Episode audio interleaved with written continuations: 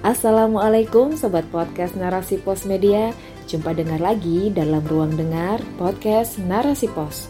Narasipos.com cerdas dalam literasi media Bijak menangkap peristiwa kunci.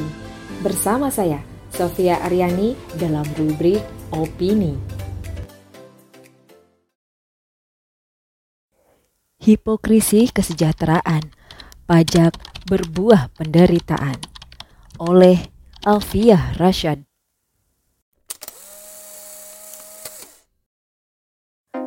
Orang bijak taat bayar pajak. Slogan manis yang digaungkan oleh lembaga pajak negeri ini berhasil menghipnotis rakyat. Tak dimungkiri, pajak seakan menjadi urat nadi pembangunan negeri. Slogan tersebut seakan memberikan motivasi untuk taat membayar pajak Selain itu, slogan tersebut juga seakan memberikan apresiasi bagi rakyat yang taat bayar pajak dengan predikat bijak.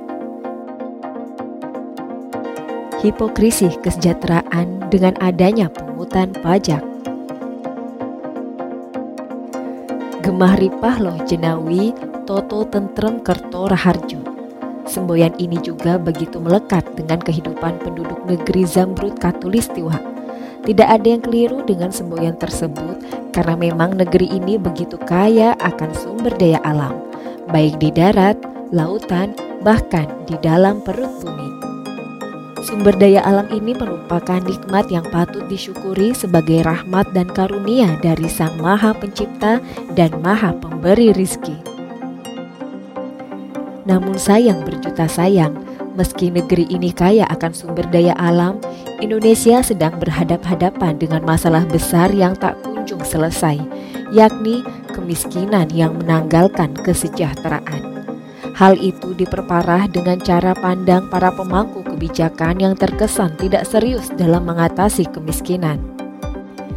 Belum lagi saat rakyat miskin harus taat membayar pajak, rasa peduli seakan menghilang di telan bumi seakan pergi entah ke mana. Ambiar, semboyan gemah ripah loh Cinawi ini akhirnya hanya sekadar semboyan.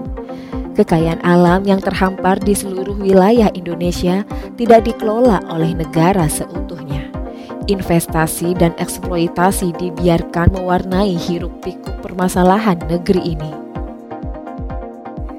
Negara justru asyik berperan memungut pajak sana, pajak sini, pajak itu, pajak ini kepada rakyat yang kebanyakan sudah sekarat. Ada upaya serius dari negara menjadikan pajak sebagai pendapatan utama alias urat nadi pemasukan negara. Pajak menjadi primadona dan jalan keluar untuk memperoleh keuntungan materi sebanyak-banyaknya. Pengertian pajak dalam Kamus Besar Bahasa Indonesia adalah pungutan wajib biasanya berupa uang yang harus dibayar oleh penduduk sebagai sumbangan wajib kepada negara atau pemerintah sehubungan dengan pendapatan, pemilikan, harga beli barang, dan sebagainya. Ambisi pemungutan pajak begitu mencekik rakyat, apalagi ketika rakyat tengah megap-megap, justru pungutan wajib terus menghantui kehidupan yang terhimpit. Pajak terus digenjot dan dimutakhirkan demi menambah tumpukan cuan. Alih-alih rakyat hidup sejahtera, pungutan pajak justru membuat rakyat kian menderita. Kesejahteraan seakan menjadi sebuah hipokrisi. Duhai, Keberadaan pajak memang penting bagi eksistensi negeri ini. Hal itu diperkuat dengan sebuah berita yang dilansir liputan 6.com 16 Agustus 2023 bahwasanya pemerintah menargetkan pendapatan negara pada 2024 mencapai 2.781,3 triliun rupiah. Jumlah tersebut terbagi antara penerimaan perpajakan sebesar 2.307,9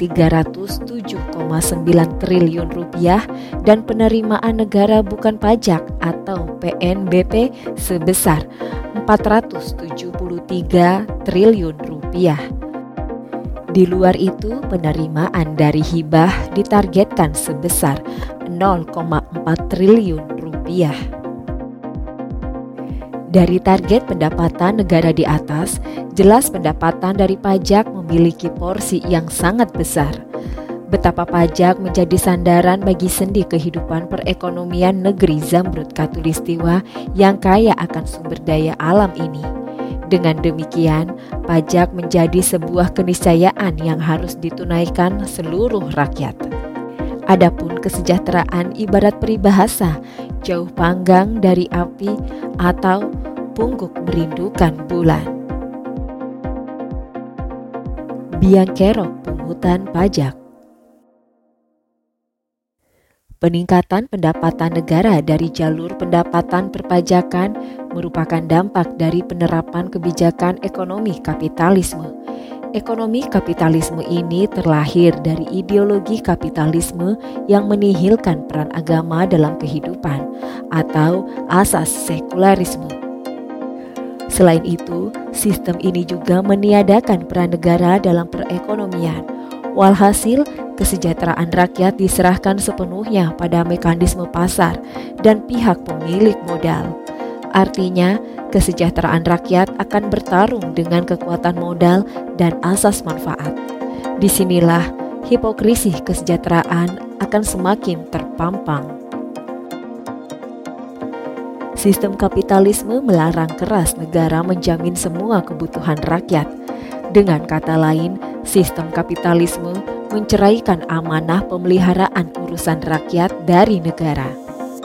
Negara tidak boleh rugi apalagi sampai membiayai kebutuhan rakyatnya. Paradigma ekonomi kapitalisme menjadikan negara berlepas dari tanggung jawab sosialnya secara keseluruhan dan melepasnya kepada individu ataupun swasta skala perusahaan. Dengan demikian, bisa dipastikan bahwa ide gila pemungutan pajak terhadap rakyat dilahirkan oleh sistem kapitalisme yang berasaskan manfaat sebuah pelayanan harus berdasarkan perhitungan untung rugi. Apabila negara tekor dalam menjamin dan membiayai urusan rakyat, maka itu tidak layak dilakukan. Justru negara harus disantuni dengan sumbangan wajib dari rakyat berupa pajak ini. Paradigma pajak dalam sistem Islam Islam merupakan agama sekaligus ideologi kehidupan yang bersumber dari Sang Maha Baik dan Maha Benar. Dalam sistem Islam, kesejahteraan adalah hak setiap individu rakyat secara syar'i.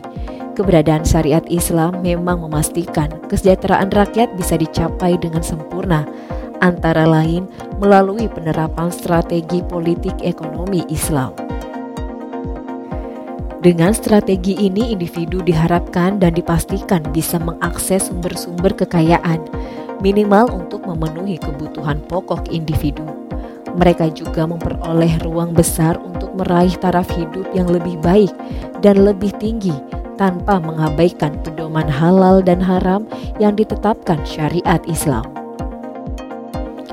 Dalam Islam, kesejahteraan rakyat adalah tanggung jawab negara khalifahlah yang wajib memelihara urusan rakyat sebagaimana hadis Nabi Muhammad SAW yang artinya Imam atau kepala negara adalah pemelihara atau pengatur urusan rakyat dan dia akan dimintai pertanggungjawaban atas urusan rakyatnya.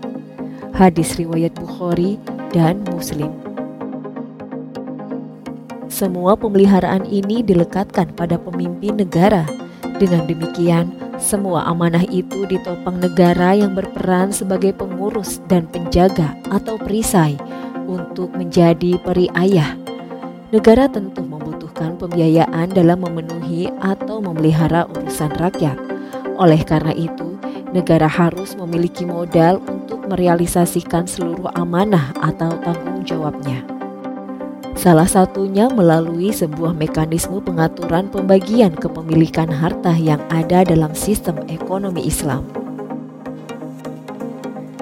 Dalam sistem ekonomi Islam ada tiga kepemilikan. Salah satunya adalah harta milik umat, yakni berupa sumber daya alam. Namun demikian, meski sumber daya alam adalah kepemilikan umum, pengelolaannya ada di tangan negara Syariat Islam mengharamkan negara menjualnya atau memberikan kekuasaan pada pihak swasta atau individu untuk mengelolanya. Selain itu, ada distribusi harta yang juga menjadi tanggung jawab negara. Distribusi harta di sini bukan seperti produsen yang mendistribusikan produknya pada konsumen, namun distribusi harta di sini adalah pendistribusian harta oleh negara kepada rakyat tanpa kompensasi apa pun. Seluruh kebutuhan pokok personal dan komunal harus dipastikan terpenuhi. Negara memiliki dua mekanisme, langsung dan tidak langsung, dalam memenuhi kebutuhan dasar rakyat. Selain harta kepemilikan umum, ada pula harta kepemilikan negara dari berbagai pos pendapatan syari. Pos pendapatan negara yang akan mengisi kas baitul mal negara antara lain berupa fai, gonimah, jizyah, khoroj, usyur, rikas, dan zakat. Khusus pos pemasukan zakat ada skema khusus pendistribusiannya. Zakat hanya akan didistribusikan kepada delapan asnaf atau golongan sebagaimana termaktub dalam surat At-Taubah ayat 60.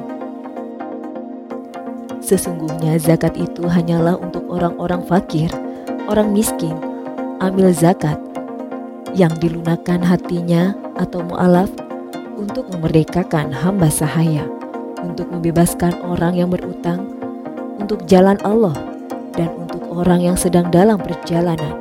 Sebagai kewajiban dari Allah, Allah Maha Mengetahui, Maha Bijaksana.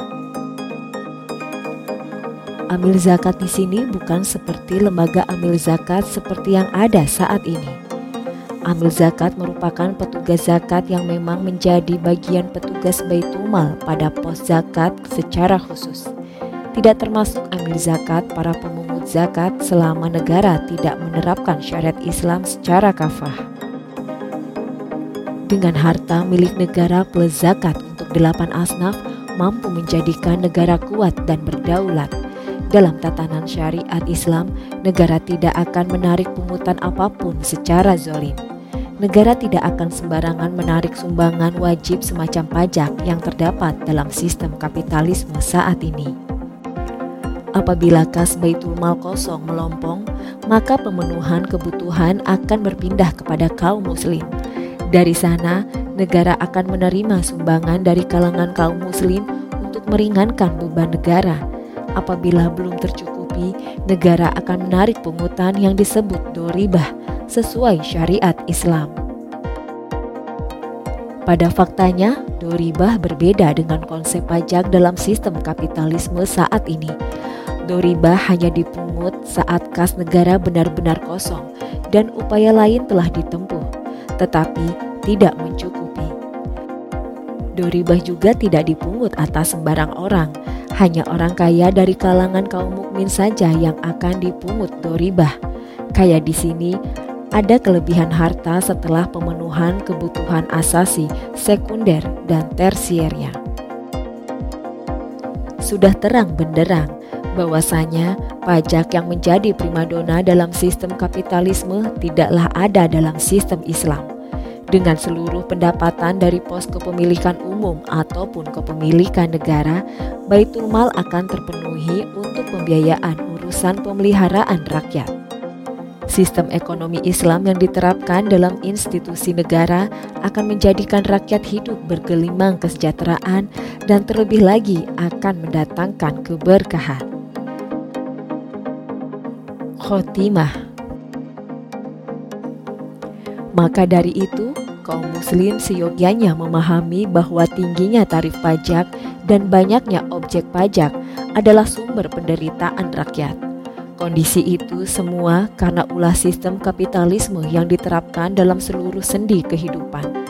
Sistem rusak dan merusak ini harus segera dimusnahkan dari muka bumi oleh kaum muslim.